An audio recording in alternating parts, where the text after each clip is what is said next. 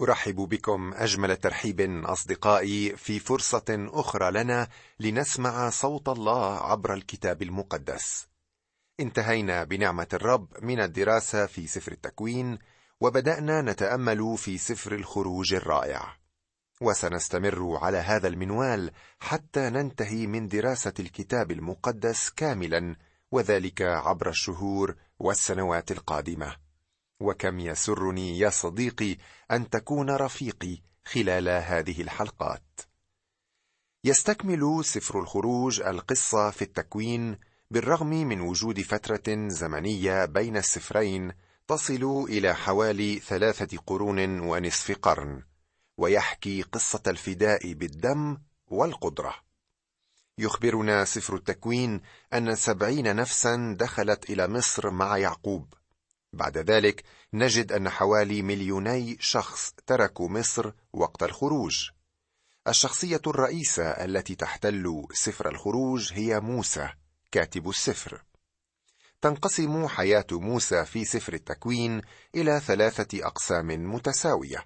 يتكون كل قسم من أربعين سنة. أربعين سنة قضاها في قصر فرعون أربعين سنة في صحراء مديان وأربعين سنة في البرية كقائد للشعب القديم. التدريب الذي أخذه موسى عند الوثنيين لم يساعده كثيرا في قيادة الشعب بل دربه الله في صحراء مديان لمدة أربعين سنة ليكشف له أنه لا يقدر على إخراج الشعب لوحده. وتخرج موسى هكذا من جامعة الصحراء. وبعدما حضر الله موسى أرسله إلى مصر كان عليه أن يجمع قادة الشعب ويذهب بهم إلى فرعون. ولكن فرعون كان سيرفض أن يطلق الشعب وهذا فتح مجال السباق بين الله وآلهة المصريين. كانت مصر مشبعة بالوثنية وتمتلئ بالمعابد والهياكل لعبادة الأوثان وكانت هناك قوة شيطانية خلف كل هذا. رأينا في الإصحاح الأول من الخروج أن الله كان ينتظر الوقت المعين والحين المناسب للتدخل لإنقاذ الشعب. ومتى حان الوقت فالتأثيرات المضادة تصبح هي آلات مناسبة لإتمام مشورات الله. ثم أتى فرعون آخر إلى عرش مصر لم يسمع بيوسف ابدا ولم يشعر بالدين نحو يوسف أو نسله. كان على الشعب العبراني أن يشتغل الأشغال الشاقة. كانوا كعبيد مرغمين على تصنيع الحجارة لبناء تلك المدن. كانوا في البداية يعطونهم القش لتصنيع الحجارة ولكن عندما زاد الاضطهاد كان عليهم أن يبحثوا هم عن القش ويصنعوا نفس عدد الحجارة. بدون شك كان الشعب في وضع لا يحسد عليه في أرض مصر وكلما زاد الاضطهاد على الشعب كلما زاد في النمو. لهذا كلم فرعون قابلتي العبرانيات ليحل المشكلة. وقال حينما تولدان العبرانيات وتنظرانهن على الكراسي إن كان ابنا فاقتلاه وإن كانت بنتا فتحيا. وفشلت الخطة للتخلص من الأولاد لأن القابلتين كانتا تخافان الله. الله أفشل مخططات فرعون والإصحاحات التالية تبين ذلك. إذ يقيم عبده موسى ليخلص الشعب من أسر العبودية في مصر. نتأمل اليوم بنعمة الله في الأصحاح الثاني من سفر الخروج. في هذا الأصحاح الذي أمامنا نرى موسى المخلص العظيم والذي سيكون الشخصية البارزة كالمخلص من الأصحاح الأول وحتى الحادي عشر من الخروج. ينقسم هذا الجزء إلى خمسة تفرعات. في الأصحاح الأول رأينا عبودية الشعب في مصر. في الأصحاح الثاني سنرى ولادة موسى والسنوات الأربعين الأولى في قصر فرعون. في الأصحاح الثالث سنتطرق إلى دعوة موسى والسنوات الأربعين في صحراء مديان. في الأصحاح الرابع يعود موسى إلى مصر ويعلن خلاص الشعب. وأخيرا من الأصحاح الخامس وحتى الحادي عشر سنرى المواجهات مع فرعون.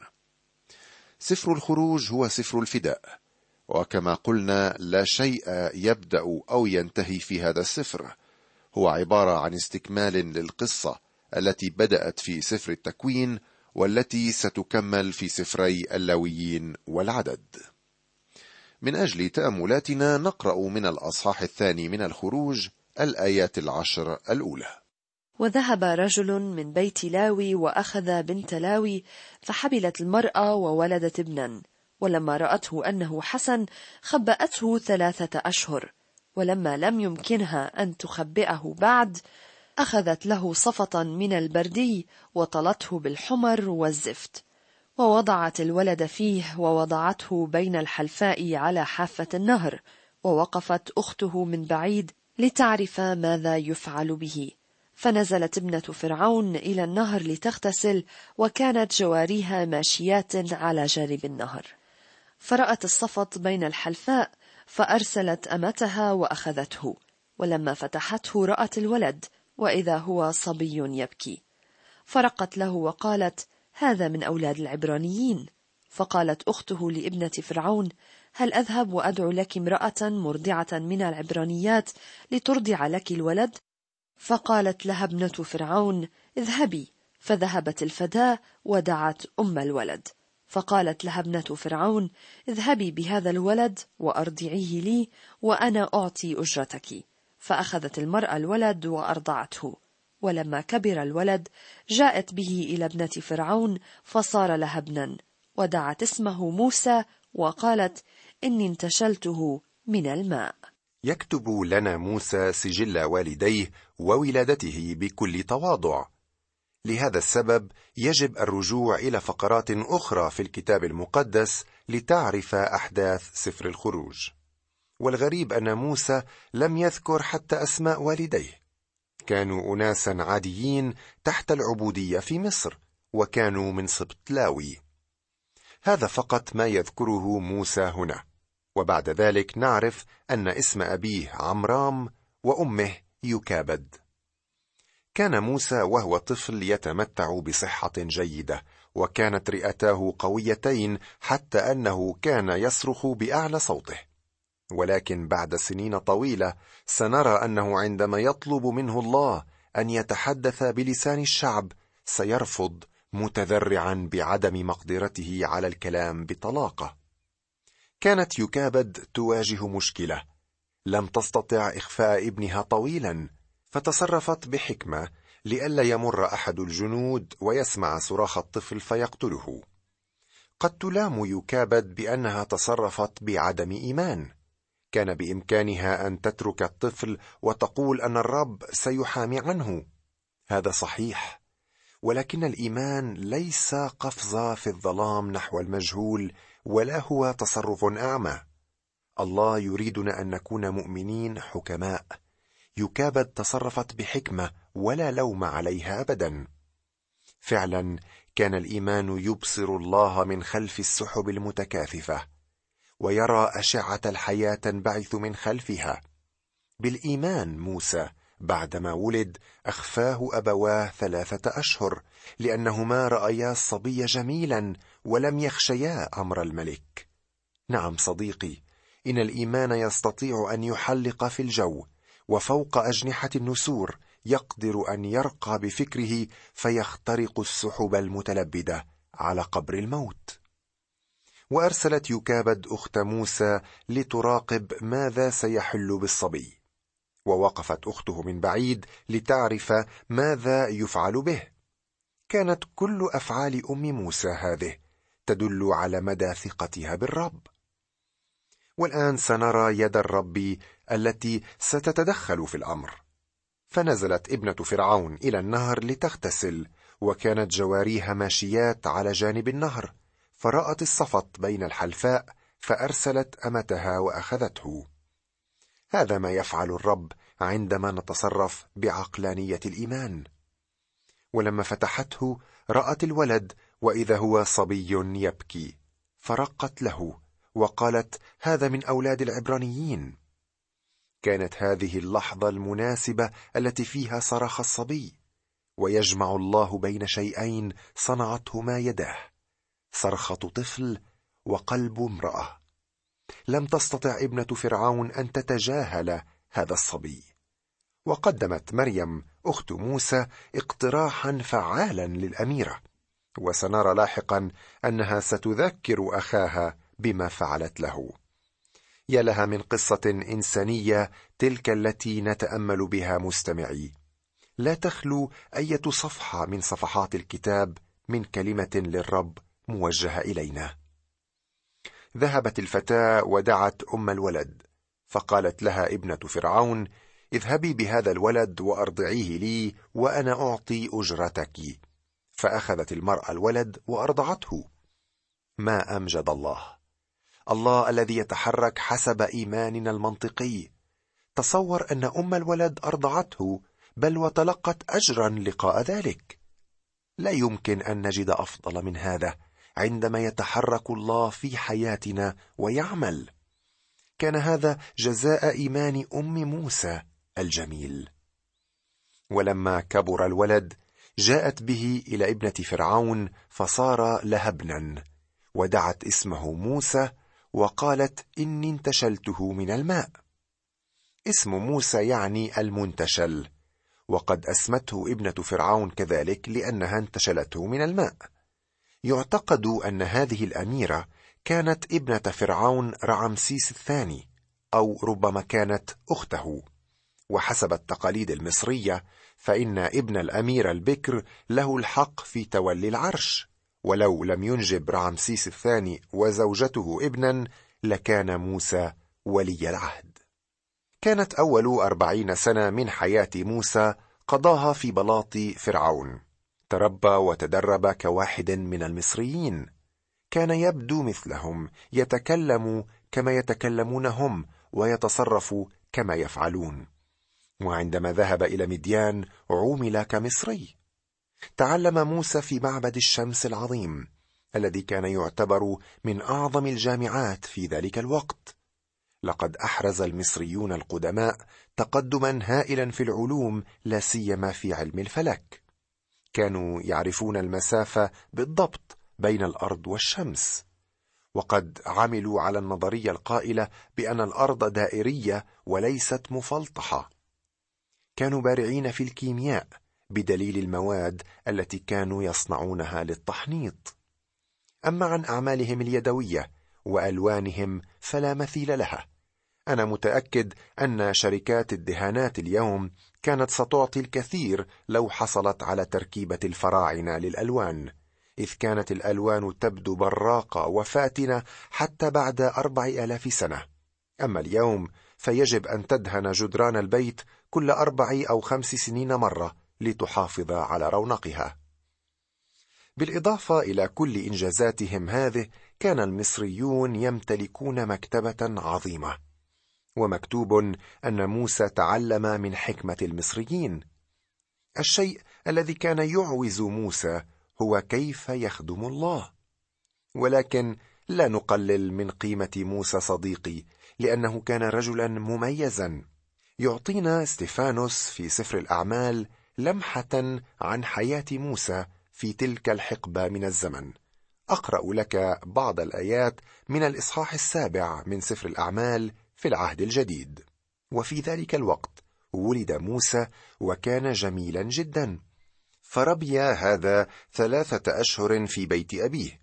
ولما نبذ اتخذته ابنة فرعون وربته لنفسها ابنا. فتهذب موسى بكل حكمة المصريين وكان مقتدرا في الأقوال والأعمال. ولما كملت له مدة أربعين سنة خطر على باله أن يفتقد إخوته بني إسرائيل. وإذ رأى واحدا مظلوما حام عنه وأنصف المغلوب إذ قتل المصري. فظن أن إخوته يفهمون أن الله على يده يعطيهم نجاة وأما هم فلم يفهموا. وفي اليوم الثاني ظهر لهم وهم يتخاصمون فساقهم إلى السلام قائلا أيها الرجال أنتم إخوة. لماذا تظلمون بعضكم بعضا؟ فالذي كان يظلم قريبه دفعه قائلا من أقامك رئيسا وقاضيا علينا؟ أتريد أن تقتلني كما قتلت أمس المصري؟ فهرب موسى بسبب هذه الكلمة وصار غريبا في أرض مديان حيث ولد ابنين. بكلمات أخرى كل التدريب الذي تلقاه موسى في مصر لم يؤهله لتخليص الشعب من العبودية. حاول مرة أن ينقذ واحدا من أبناء جنسه الذي كان يعامل بقسوة من أحد المصريين فقام وقتل المصري. نظر يمنة ويسرى ليرى هل من شاهد لفعلته ولكنه لم ينظر إلى فوق.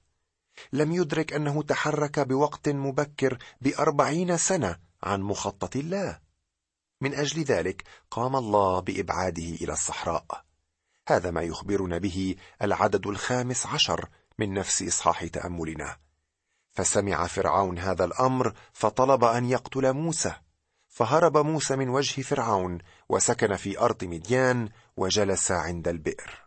نعم هرب موسى من وجه فرعون إلا أننا نعلم من الرسالة إلى العبرانيين أن ما صنعه كان بالإيمان وأنه لم يخشى غضب الملك. نتابع قراءة ما تبقى من الأصحاح الثاني. أرجو يا ميسون أن تقرأ لنا من العدد السادس عشر. وكان لكاهن مديان سبع بنات فأتينا واستقينا وملأنا الأجران ليسقينا غنم أبيهن.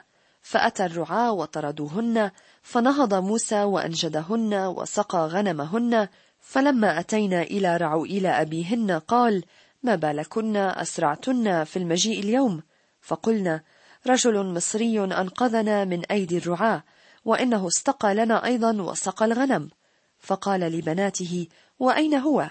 لماذا تركتن الرجل؟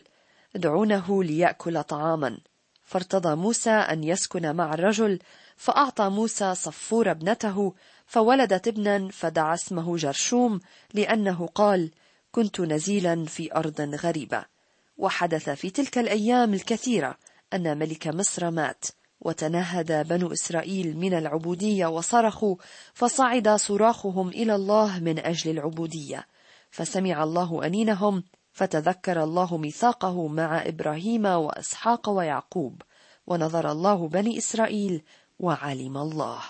إذا أمضى موسى فترة أربعين سنة في مصر ولكن لم يتحضر لعمل الله بعد. نجده الآن في أرض مديان التي ستكون بيته لمدة أربعين سنة قادمة. وفي هذه الصحراء ستبدأ الاستعدادات ليكون مخلص الشعب من عبودية مصر. يتزوج موسى من صفورة ابنة كاهن مديان. اسم صفورة يعني الطير أو العصفور وهو يدل على شخص صغير عصبي. ثم يولد لموسى ابنان لا نعرف الكثير عن حياته في تلك الفترة ولا نعرف عن زواجه أو علاقته بزوجته. من الغريب أن الكثير من رجالات العهد القديم هم صورة أو رمز للمسيح ولو أن حياتهم لم تكن تعكس ذلك تماما. كان موسى رمزا للمسيح بأن الله اختاره لخلاص الشعب وأنه رفض من بني جنسه والتصق بالأمم. كان الله يعد العدة لتخليص الشعب من العبودية. وكان موسى هو المختار من الله لخلاص الشعب. لم يختر الله الشعب العبراني القديم ليخلصهم مستمعي لأنهم أفضل من المصريين ولا لأنهم كانوا أمناء من نحوه. على العكس فقد خانوه وأهانوه كثيرا. ولكن الله خلصهم لأنهم كانوا في حالة مزرية يرثى لهم. ولو لم يتدخل أحد لأجلهم لهلكوا في مكانهم. يعطي الله سببين لتخليص الشعب. اولا لأنه سمع صراخهم. ثانيا لأنه تذكر العهد الذي أبرمه مع إبراهيم وإسحاق ويعقوب. حالة الشعب المزرية رققت قلب الله ووعده لإبراهيم أن نسله سيرجع إلى الأرض بعد أربعمائة سنة دعا الله أن يرسم الخطط ليخلصهم. لماذا خلصك الله وفداك برأيك؟ هذا إن كنت مخلصا طبعا. لقد خلصنا الله لأنه لم يجد فينا شيئا يدعو للخلاص. لم يجد فينا ولن يجد أي استحقاق. ويشرح بولس ذلك في رسالة روميا في العهد الجديد. إذ الجميع أخطأوا وأعوزهم مجد الله. متبررين مجانا بنعمته بالفداء الذي بيسوع المسيح. وكلمة مجانا تحمل المعنى بدون سبب. لقد خلصنا الله من خطايانا بدون سبب. وهي نفس الكلمة التي استخدمها المسيح عندما قال أن العالم يبغضه بلا سبب. عندما نظر الله إلي لم يقل أنت شاب وسيم وطبيب ناجح لذا فإني سأخلصك. بل على العكس من ذلك. عندما نظر إلينا الله وجدنا في سواد الخطية وظلامها وجهلها. وجدنا بلا رجاء وعاجزين عن تخليص أنفسنا. لقد وفرت إلينا محبة الله مخلصا. وهو أحبنا لدرجة أنه ضحى بابنه الوحيد من أجلنا كما يخبرنا يوحنا في إنجيله. ومع ذلك فإن نعمته هي التي خلصتنا وليس محبته. لقد خلصنا بلا سبب بالنعمة بالفداء الذي بيسوع المسيح. لا يمكن لله ابدا أن يخلصنا لأي شيء فينا. لقد أحبنا ولا شيء فينا يحب. كل منا يمتلك الطبيعة الفاسدة فيه. يقول بولس فإني أعلم أنه ليس ساكن في أي في جسدي شيء صالح لأن الإرادة حاضرة عندي وأما أن أفعل الحسنى فلست أجد. من أجل هذا يعطينا الله طبيعة جديدة عندما يخلصنا ويقوي فينا هذه الطبيعة لتتغلب على القديمة. الله لم يرى أي شيء صالح في الشعب في القديم لكنه سمع صراخهم فخلصهم. الله رأى حالتنا المزرية فخلصنا. لقد كان لدى الله مخطط أزلي وهو لم يستشر أحدا من البشر في الأمر ولم يستأذن أحدا. حاشا. لقد أحب الله العالم حتى أرسل ابنه الوحيد ليموت عن خطايا البشرية جمعا.